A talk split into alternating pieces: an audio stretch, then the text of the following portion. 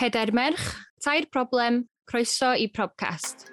Nes i sainio, dwi'n byddar, dwi'n darllen gwefusau, a wedyn nath i fatha rolio llygau ti o'n i fatha... Oedd dim clem dy fi ynglyn â tax, mortgage, gyd o'r pethau really practical na. Pan ti ddim yn mwynhau dy waith, a mae fe jyst yn rhywbeth ti'n neud i ennill bach o arian, ti'n fwy hapus i bod fel, sod this. Yeah. Fi'n hungover, sa'n mynd mewn. Warning bach cyn dechrau, efallai fyna bach o regu yn y podcast yma. Helo pawb a chroeso i Bodcast Hansh, Probcast. Y podcast lle dyn ni'n trafod problemau y 21st century. Beth i fenw i. Haia, fi yw Mared. Haia, Holly dwi. Ac Amber ydw i. Bob wsos, bu un o'n ni yn cyflwyno themau'r grŵp a bydd y tair arall yn dewis problem ar y thema yna. O bethau bach annoying i bethau byddaf pawb yn well off hebddo. Bydd pawb yn cyflwyno achosion i'r cadeirydd ar achos gweitha sy'n ennill. Thema'r wsos yw gwaith ac arian. Felly, ewn ni'n syth amdani. Amber, chdi sy'n gyntaf wsos yma. Be ti di ddewis? OK, so prob fi wythnos yma ynglyn â gwaith ac arian um, yw'r ffaith nes i graddio haf diwetha ac o'n i'n really lwcus i cael swydd yn eitha gloi ond oedd rhaid i fi symud i ffwrdd yn eitha bell, cael tŷ newydd, um, sort of popeth practical allan.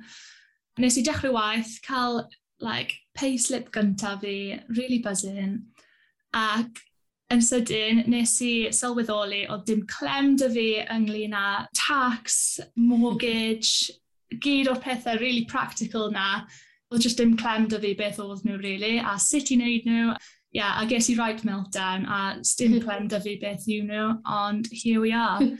fi byth di defnyddio unrhyw beth fel algebra ers uh, adol ysgol a fi byth di cael um, addysg yn, am un...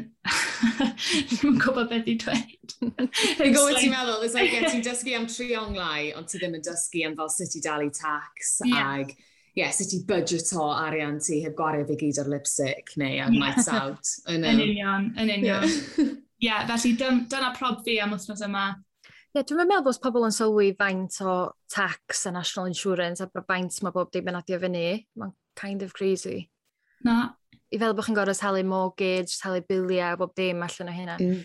Pen ydych chi'n cael gwybod be ydy wages chi, da chi ddim yn meddwl amdan beth sy'n mynd i gymryd allan o hwnna, faint ydi fel take home wage. Ie. Yeah. yeah. Yeah. Ac yn waith, ges i bonus gyntaf fi, eto, really buzzing, gan hanner o fe, tynnu i ffwrdd i, i tax a pethau fel na. Oh, no way! Mm. Ie. Mm. Impression. Yeah.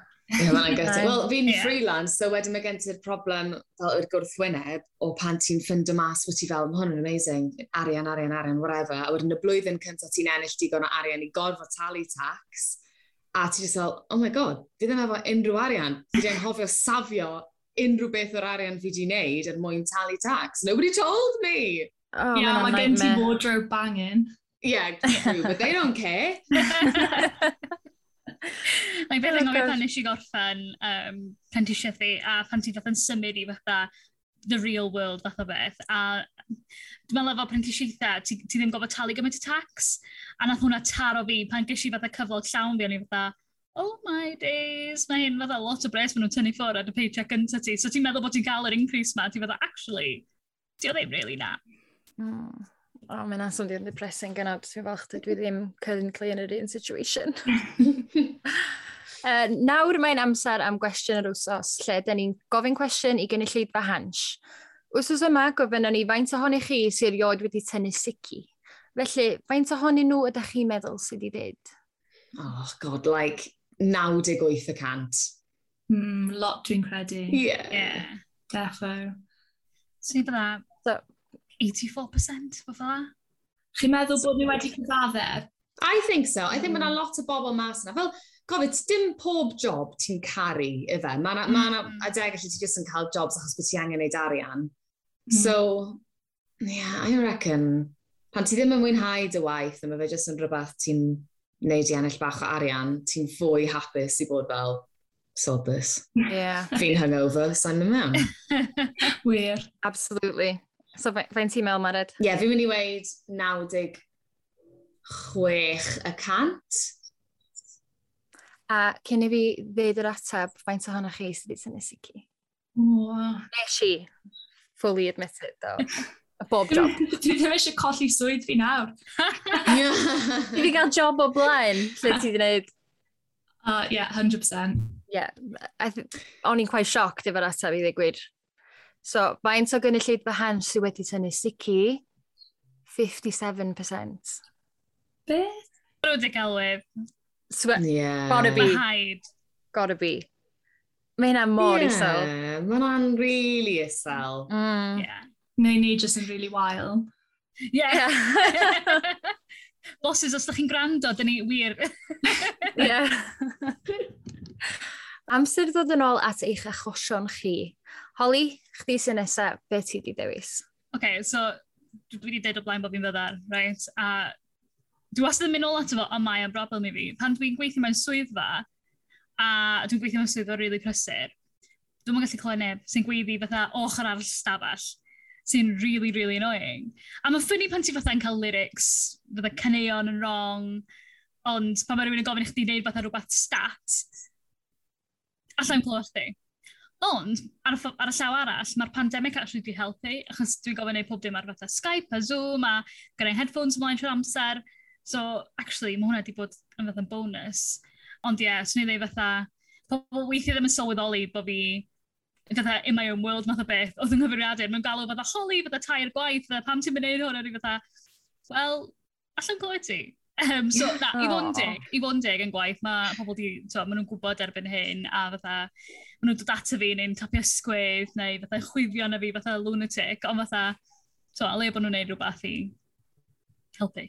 Ie, yeah. mae'n siŵr bod hynna'n rili really anodd pen ys i ddechrau. Fel gorau mynd a explainio i pob. Ie, yeah, fatha, pan ti'n yr ysgol, ti'n mewn dosbarthiadau llai, a ti, ti di arfer, mae'r thrawon ti'n rili really agos, ti'n mewn un stafell trwy dydd, mwyn o lai. Ond wedyn pan ti'n mynd i'r byd gwaith, a mae pawb, mae popeth mor brysur, mae fatha culture shock. Fatha, mae fatha mm. pan ti'n mynd i wlad arall, a ti'n mynd all be mae neb yn ddeud, a mi wyt ti ar ben dy hun yn trio dis, so, dissectio be mae pawb yn ddeud wrth y ti. So mae'n ma cymryd amser i ddod i ar, arfer efo fo.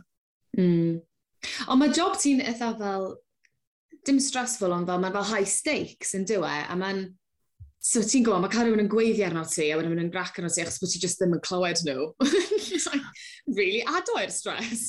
I, bo, i, fo, I fod yn dig, sneb di gweiddi yna fi. Pobl ah, okay, di ffeindio fo'n ffynnu. Sorry. na, na, na, na, na, mae'n ffain. Pobl di ffeindio fo'n really ffynnu, achos byddai'n clywed pethau'n hollol wahanol. A byddai'n yn, yn deud geiriau sydd ddim yn gwneud unrhyw sens. Wel, dwi'n clywed geiriau sydd ddim yn gwneud sens, so dwi'n gofyn gofyn iddyn nhw eto fatha, nes ti'n rili really dweud fatha candy floss yn lle fatha rhywbeth arall? Mae so, mae'n fideo fo'n ffynnu, ond mae yna ma, bit mwy serious dwi'n meddwl o dan efo lle ti fatha, oh, actually, mae rhaid ti weithio dwy weth yn galetach i fatha gwneud y job di'n iawn. Mm. Mm. Yes, yeah, exhausting. Ie, yeah, mae'n swnio'n really anodd bych ti'n deud efo, bych ti'n gorau gweithio dwy o waith mor galad. O'n i'n meddwl hynna'n dan y pandemig hefyd, fatha pen oedd pobl gorau mynd o gweithio mewn swyddfa i fynd i weithio adre. Fatha, mm. especially pobl sydd efo plant a dono, obviously, ddim ysgolion am byd yr agor, mond i key workers, lle. So nhw'n gorau adaptio i weithio rhwng plant hefyd. Mm, yeah. So o'n i'n, dwi'n gwybod sy'n nath nhw handlo hynna i ddigwydd. Ti di ffendio'r holl mask situation yn anodd? oh my gosh, hwnna di'r peth yn o dda, sy'n ei ddweud, fatha, hyn, hyn o'r unau yn gwaith neu just yn bywyd personol ddydd i ddydd, fatha, o'n i actually, o'n i mewn dagrad yn y blaen. I know, mae'n swnio'n really dramatic, ond mae o'n, mae'n effeithio yna ti, dwi'n meddwl, pan ti, oedd rhywun di, o'n i yn trio prynu rhywbeth yn siop yn y blaen, a oedd rhywun yn deud rhywbeth, oedd hi'n tynol fath o sgrin ac yn gwisgo masg. Oh god. A oedd hi'n deud rhywbeth wrtho fi, o'n i'n deud, oh, Tom, I'm sorry, nid i, nid i deud hynna eto a nath i, go, nath i gofod deud fatha tair y gwaith, a nes i ddeud fatha, nes i sainio, dwi'n fyddar, dwi'n darllen gwefusa, a wedyn nath i fatha rolio llygau ti, o'n i fatha, stym angen i ti bod fel na, nag oes, fatha, nes i ddeud ti bod fi'n fyddar, a wedyn yn lle fatha deud o eto neu'n ewch neu fatha, to, picio rownd y, y ffenest, fatha, oedd hi just yn edrych yn flin, a wedyn ar y pwynt yna, ti'n misio rili really cario ymlaen siarad, nag oes? Na. na! So, Oh, yeah. Mae'n ma, ma, really frustrating pan mae pobl yn mynd yn defensif achos bod gen ti anabledd neu bod gen ti fel rhywbeth sy'n neud ti bach yn wahanol iddyn nhw. Mm. It was like, oh sorry, I didn't really inconvenient i ti i just gorau siarad yn uwch. Na, dwi ddim, ydy e. Like, dys yn rhaid i fod mor defensif, mae mor frustrating. Ond mae bron yn ffynnu hefyd, achos bydda, ti deithio nhw, nid i ddweud o'n uwch, a nawn nhw ddeud o eto, ond ar yr un lefel. Ie. Yeah. so, Pobl yn reito. Ma nhw, ma nhw yn anffodus. Ie. Yeah. Oh, the joys. O, mae'n asod um, impossible. O oh, ie, ond um, cymeru ni brec bach arall o'r achosio nawr am gem o gwir neu gau. Na i ddarllen tri datganiad i chi, ond dim ond un o'n nhw sy'n wir, a mae fyny i chi i ddifalu pa un. Felly, dyma'r tri am yr wsos yma. Un, Mae un o bob chwech o blant eisiau bod yn wyddonydd pan maen nhw'n tyfu fyny. Dau, Mae 20% o bobl wedi deud celwydd ar ei CV. Neu 3. Mae 70% o bobl eisiau newid gyrfa. Pa un ydych chi'n meddwl sy'n wir neu gael? Anodd. Ie. Yeah. Anodd, di. Dwi'n meddwl bod 2 a 3 yn really believable. Yeah. Fi'n meddwl bod mwy na 20% yn yr ailein ti'n meddwl? Ie. Yeah. Potentially. So fi'n mynd i, fi mynd i weid tri yw'r un cywir. Fi'n meddwl bod 70% o bobl eisiau gyrfa gwahanol. Okay. Yeah. Ie, so ni'n cytuno beth actually. Os ti'n meddwl yn ymwedig, allan y blwyddyn, dwy flwyddyn ddeitha, bydda pobl eisiau newid. Ie. Um, yeah. A fi'n meddwl lot o bobl wedi hefyd. Ie, ie. Yeah. So ni'n dweud tri, ie? Yeah? Fi'n mynd i weid tri, ie? Ie, a fi byd. Pob yn dweud tri? Ie. Yeah. OK, wel fydda i ddeitha chi na'r atab ydy'r un nath chi ddim even considro. No way! Na! Ie. Yeah. Mae un o bob chwech o blaen, ti'n siŵr bod yn wyddonydd? Fanatig. Waw! O'ch ti'n iawn, Mared, mae cwestiwn 2, uh, yr un mae 20% o bobl wedi dweud celwydd, mae'n actually 51%. Ie, yeah. gweld? Wow. O'n i'n meddwl. Sy'n actually surprising i fi, o'n i'n meddwl sef o hynna achal. Really? Dwi'n meddwl os gen i fi gyty ddi clwydd ar CV fi. so ni bod sy'n meddwl fatha, maen nhw'n mynd i ffeindio allan. Oh, well, ti'n fel pan ti'n, na, fel pan ti'n actor, mae na kind of classic thing, ar, so mae gen i fel, sim, sim CVs really gyda ni, mae gen i spotlight page, a hwnna yw basically CV ti, so mae'n gweud, ma gweud fel pwy wyt ti fel person, ag beth i dysgiliau di, fel acenion, neu, o, oh, fi'n gallu gwneud jiu-jitsu neu fel nofio, you know, pethau really random, like beth i sgiliau, all that jazz. A mae pobl yn gallu bod yn greadigol iawn gyda beth nhw'n rhoi. Mae CVs fath o dating profiles ddo, ti'n kind of yn romanticise dy hun ychydig bach yn dweud. Dwi, chi wedi clywed y horror stories ma lle mae pobl yn dweud fatha, nath nhw fynd i audition yn dweud bod nhw'n gallu gwneud fel Irish accent, a wedyn nath nhw fynd i'r thing ddim yn gwybod bod nhw'n fod i wneud yr Irish accent. A maen nhw'n oh, it says on your CV that you can do an Irish accent. A wedyn yeah. maen nhw'n oh, oh, never mind, I can't. Oh, na. Fi'n nabod i'n nabod oh, rhywun yn gweud, well, um, ar uh, CV nhw yn gweud bod nhw'n like, gallu reidio cyffylau a gafon nhw job, yn Oh. gorfod reidio cyffylau, maen nhw ddim yn oh, gallu, no. a maen nhw'n allergic i cyffylau, but they're just reidio oh, nhw. Na! Yeah. Oh, God. Honestly, ni'n desperate am waith, and we'll, we'll do anything. oh. Beth yw hidden talent ti, Mared, ar CV ti? Ar spotlight fi... O, oh, fi'n gallu chwarae saxophone, ond ddim yn dda iawn. So that's oh. oh. Cool. Ag, well, yeah, you say that nes bod ti'n clywed. Sa'n i chwarae mor hir. Dwi really eisiau clywed yna, wen. Serious. Ne, no, you'll be lucky. a yr un trydydd, yr un mae 70% o bobl eisiau newid gyrfa, mae'n actually llai 47% o bobl sy'n siarad. Oh, wow. Mm. Wow. Mm, o'n i surprised efo hwnna fyd, actually. A mae'n rhaid chdi sy'n ola i fynd wsos yma. Be ti di dewis? So, prob fi wrth siarad am CVs neu spotlight pages neu unrhyw beth fel yna yw gorfod datgelu dy anabledd neu fel rhywbeth ar y diversity form. Fi'n ffindo hwn yn rhywbeth really cymleth a rhywbeth sy'n just ddim yn gwella.